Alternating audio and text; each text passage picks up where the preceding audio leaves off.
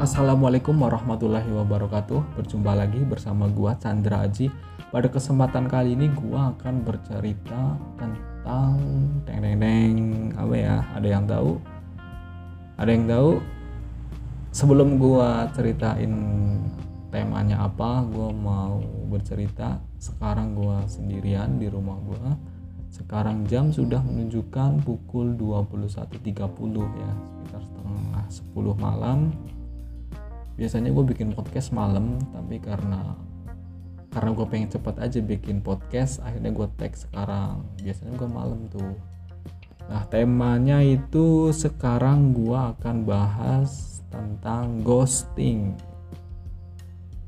Ada yang pernah di ghosting ada yang pernah ngelakuin ghosting. Ayo jawab silakan kalian jawab sendiri ya dalam hati. Gua nggak mau tahu gua nggak mau ikut campur. Gua hanya bercerita di sini dari artikel-artikel yang gua baca. Jadi apa itu ghosting? Apa penyebabnya orang lakuin ghosting dan efek dari ghosting?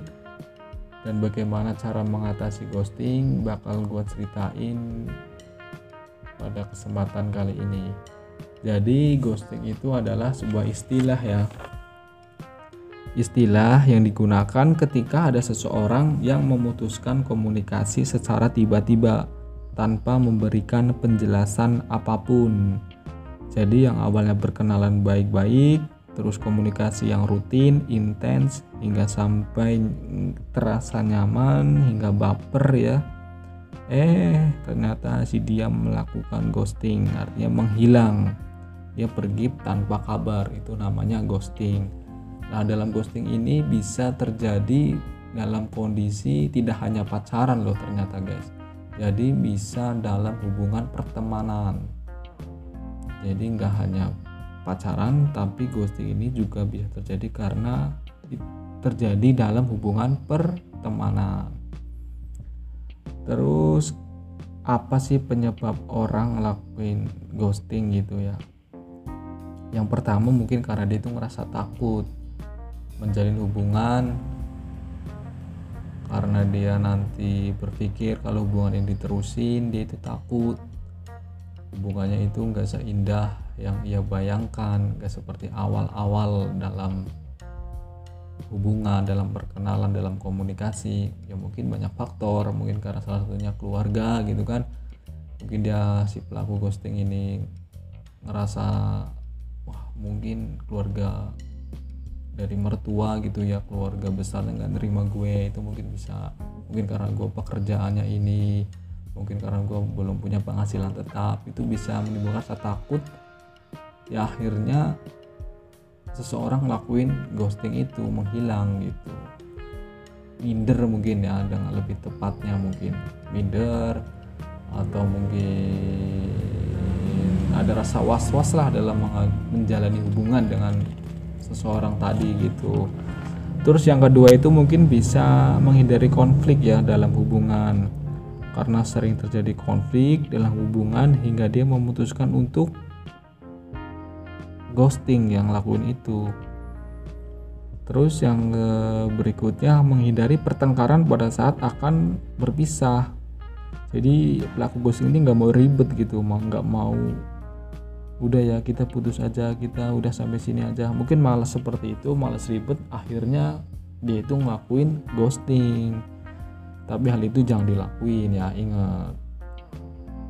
Terus ngerasa pelaku ghosting ini kayak di PHP artinya sudah hubungannya deket tapi kok ngerasa nggak ada status gitu dalam hubungan itu akhirnya pelaku ghosting ini udahlah gue cabut aja lah.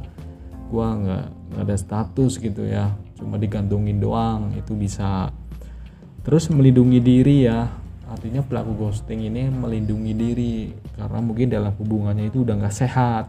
Banyak norma-norma yang dilanggar norma agama ya.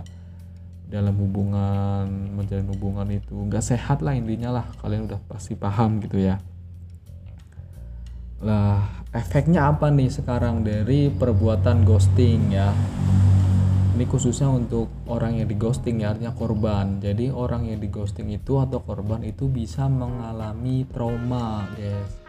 Bisa mengalami kekecewaan yang dalam karena dari awal dikasih perhatian ya janji komitmen bersama eh tiba-tiba menghilang itu dia ngerasa trauma tuh ngerasa kecewa intinya seperti itu.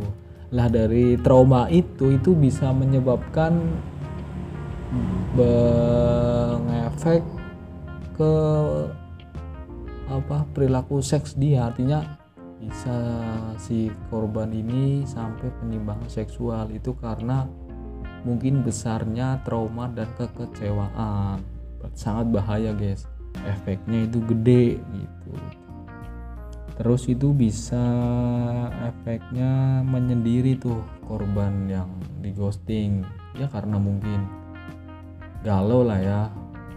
Misalnya dia pengen menyendiri lah intinya. Jadi dia lebih senang menyendiri. Terus memiliki emosi yang apa ya nggak stabil ya karena mungkin kejiwaannya akhirnya di ghosting dia itu ngerasa emosinya gampang marah maksudnya. Emosinya nggak stabil itu bisa efek dari perbuatan ghosting. Nah terus eh, bagaimana nih cara mengatasi apabila seseorang mengalami ghosting ya. Artinya menjadi korban ghosting. Yang pertama itu mungkin dia bukan yang terbaik untuk kita. Mungkin masih ada orang lain yang lebih baik dari dia. Artinya jodoh sudah ada yang atur kita tetap positif thinking. Gitu aja guys. Yang kedua jadi caranya dengan cara mengalihkan pikiran pikiran kita mungkin dengan mencoba hal-hal yang baru e, menjalani hobi-hobi kita atau mencoba hobi yang baru itu bisa mengatasi efek dari ghosting jadi lupa kita akan dia terus jadi jangan hanyut dalam kesedihan. Kita tetap positive thinking. Kita tetap semangat optimis. Jangan mengisolasi sendiri di rumah sendirian. Gak mau ketemu orang itu jangan. Kita bisa bangkit untuk menjalani kehidupan yang lebih baik.